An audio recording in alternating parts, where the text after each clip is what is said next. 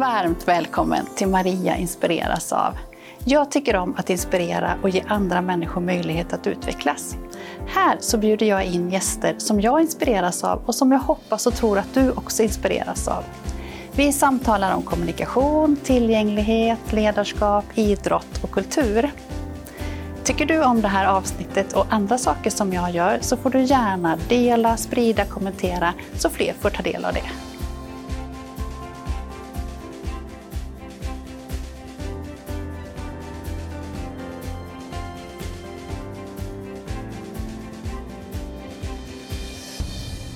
Nu är det nära. Nästa vecka så firar Maria inspireras av 100 avsnitt. Ja, såklart vi ska fest och fira detta och inför firandet så tänkte jag ta några återblickar till tidigare avsnitt från alla säsonger. Jag ska inte förneka att jag vid flera tillfällen tänkte att nej, nu får det räcka. Nu hinner jag inte detta mer och så vidare. Men så möts jag av uppmuntran från dig som tittar och lyssnar och såklart från alla fantastiska gäster. Då tar jag nya tag och så tänker jag, ah, vi kör en säsong till. En av anledningarna till att det har varit väldigt roligt, det tror jag beror på just blandningen av gäster och teman. Det finns så många glada, fina och härliga samtal att välja bland. Och här kommer klipp från några avsnitt under åren. Jag kan ju inte låta bli att nämna det allra första avsnittet. Jag var så nervös för första inspelningen och jag skulle samtala med Jessica. Det är ju lite roligt att just detta avsnitt har blivit ett av de mest lyssnade och tittade på. Så här sa Jessica om hur de arbetar med tillgänglighet för alla och hur det började för dem. Jag tänker som jag minns speciellt det var ju att ni hade gjort mycket tillgänglighet för alla. Mm. Så det tänker jag att vi skulle prata lite om nu. Mm. Den eh, biten som ni, eh, ja jag var så imponerad mm. när jag Både när jag kom till er i entrén och sen när jag åkte därifrån också tänkte jag det mm. här var en fin skola. För ni tänker mycket tillgänglighet för alla. Ja, det gör vi. Det har liksom vuxit fram och jag tror att det började egentligen med att vi kände att elevernas egna kommunikationshjälpmedel inte användes. De var liksom kvar mm. i deras väskor eller mm. i klassrummen. De kom liksom inte med ut. Och då funderade vi lite på det och mm. så sa vi att vi, om vi liksom lyfter ut eh, kommunikationen liksom i miljön och börjar sätta upp bilder och, och anpassa på det sättet så, så, kanske det blir ett mer naturligt sätt att använda. Just bildstöd pratade vi mycket om då. Just det. Så det var lite så ah. det började faktiskt. Ah. Vi, och då började vi lite smått i våra lokaler. Ah. Men ganska snart så tog vi klivet ut i den stora skolan. Vill du veta mer om hur det har gått med det här arbetet på skolan så kan du följa upp det i avsnitt 80 och 83. Då har jag filmat och så tagit bilder på plats på skolan och så samtalar jag mer med Jessica. Ett genomgående tema under alla säsonger har varit bemötande. Och jag tycker det är så spännande att prata om bemötande och lyssna och lära av andra människor. Många möten är ju sårbara i just bemötande och jag tycker Anders beskriver det så bra här i avsnitt 27 där han säger följande. Vi som föräldrar eh, måste kunna känna en trygghet. Mm. För att Oliver kan inte mm. prata, han är ju ganska mm. gravt handikappad så sett. Då. Mm. mm.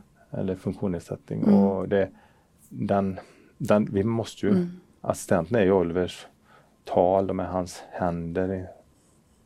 Massa sådana här saker. Och det, vi måste kunna lita på det.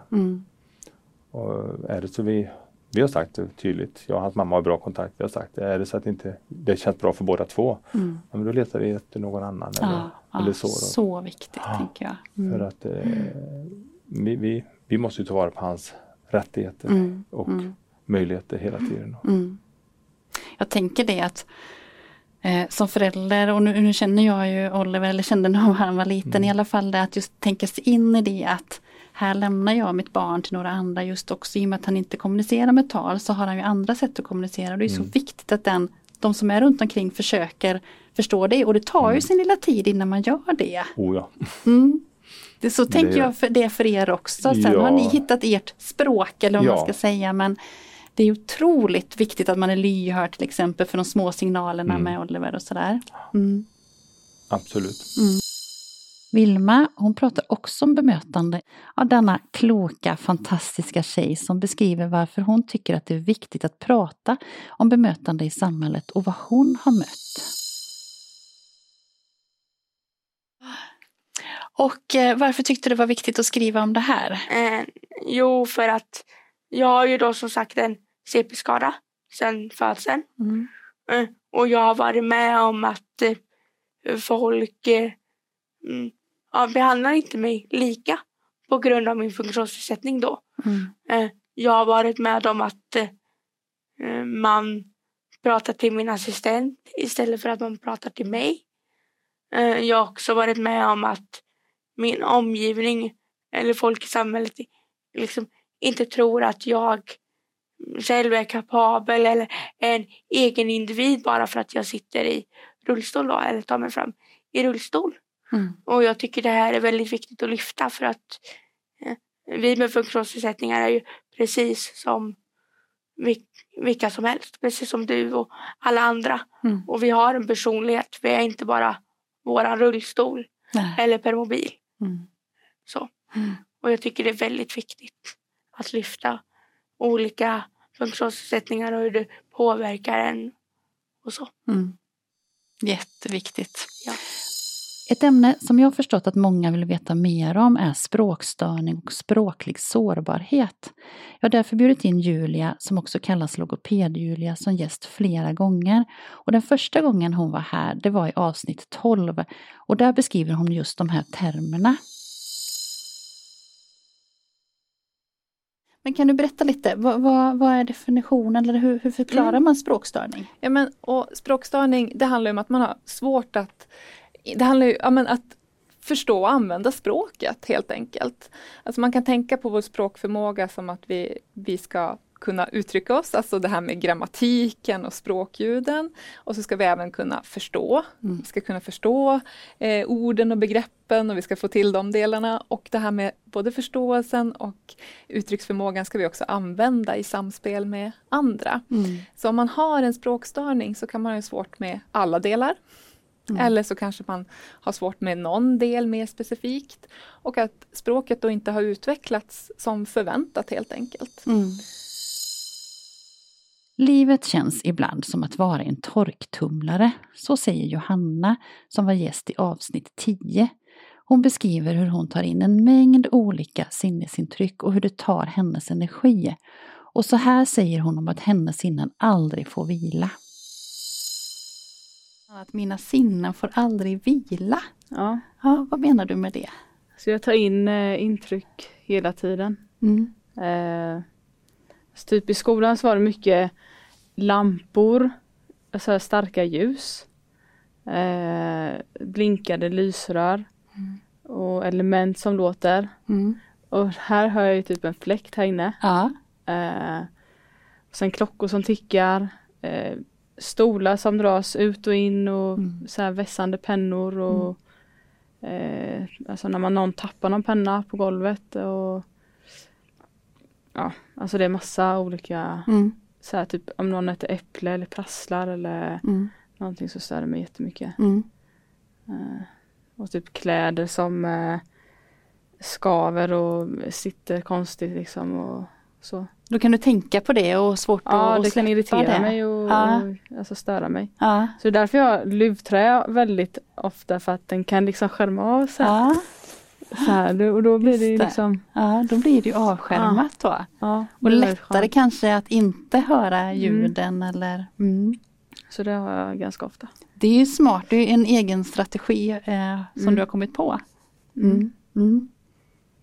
Du, tänk, du, beskriver så fint där att eh, eh, huvudet är som ett tvättrum med torktumlare alltså och tvättmaskiner. Ja. ja. Men det är, jag tar in intryck hela tiden så det, det slutar aldrig. Nej. Det är alltid någonting som kommer in och som stör mig. Mm. Så. Men det är en bra liknelse för då kanske lättare ja. för någon annan att förstå vad det handlar om. Ja. ja men går man in i ett tvättrum så det är skitjobbigt. Ja. Ja. Och så är det typ hela tiden. Man, man reagerar på minsta lilla grej. Mm. Så då...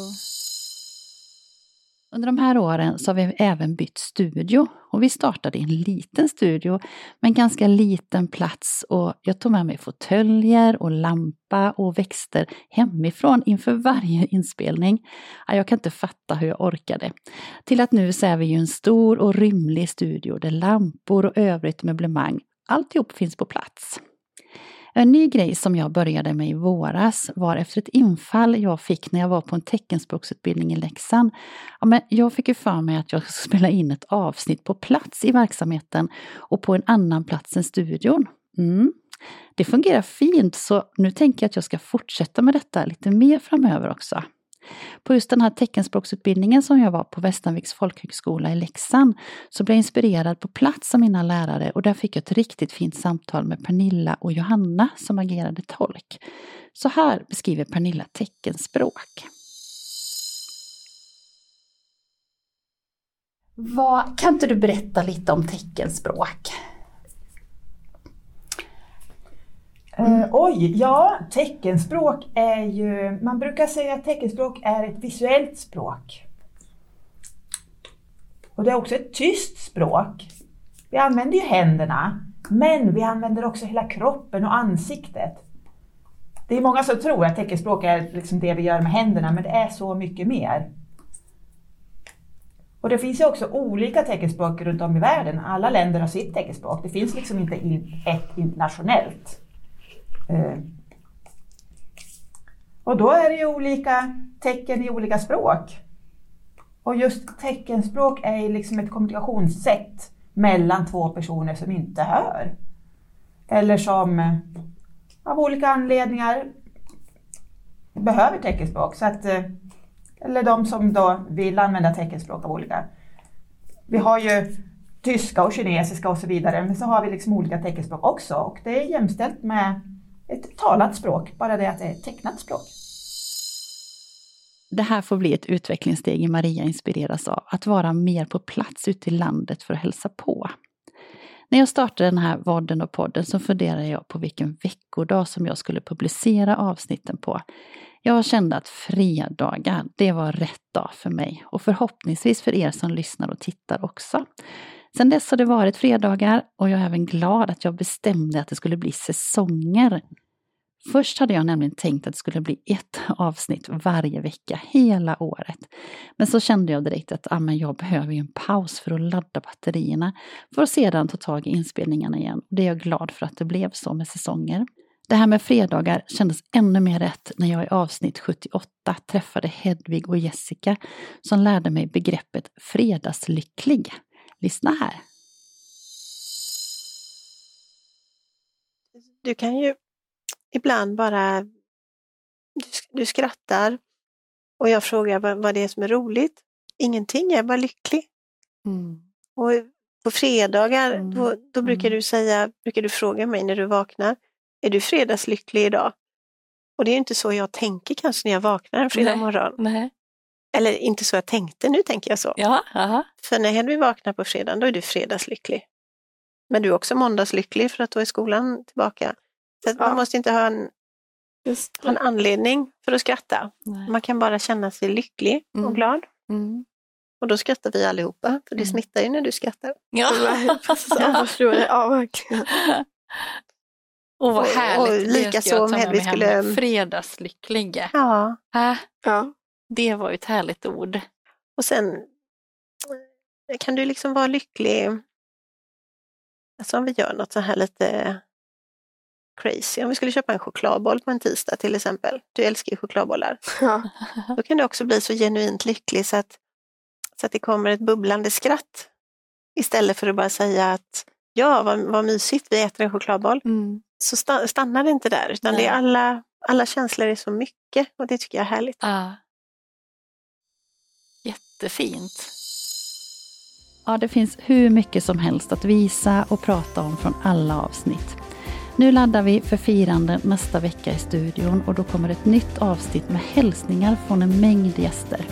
Vill du veta när det publiceras så prenumerera gärna på mina kanaler. Ha en fin vecka så ses vi snart igen.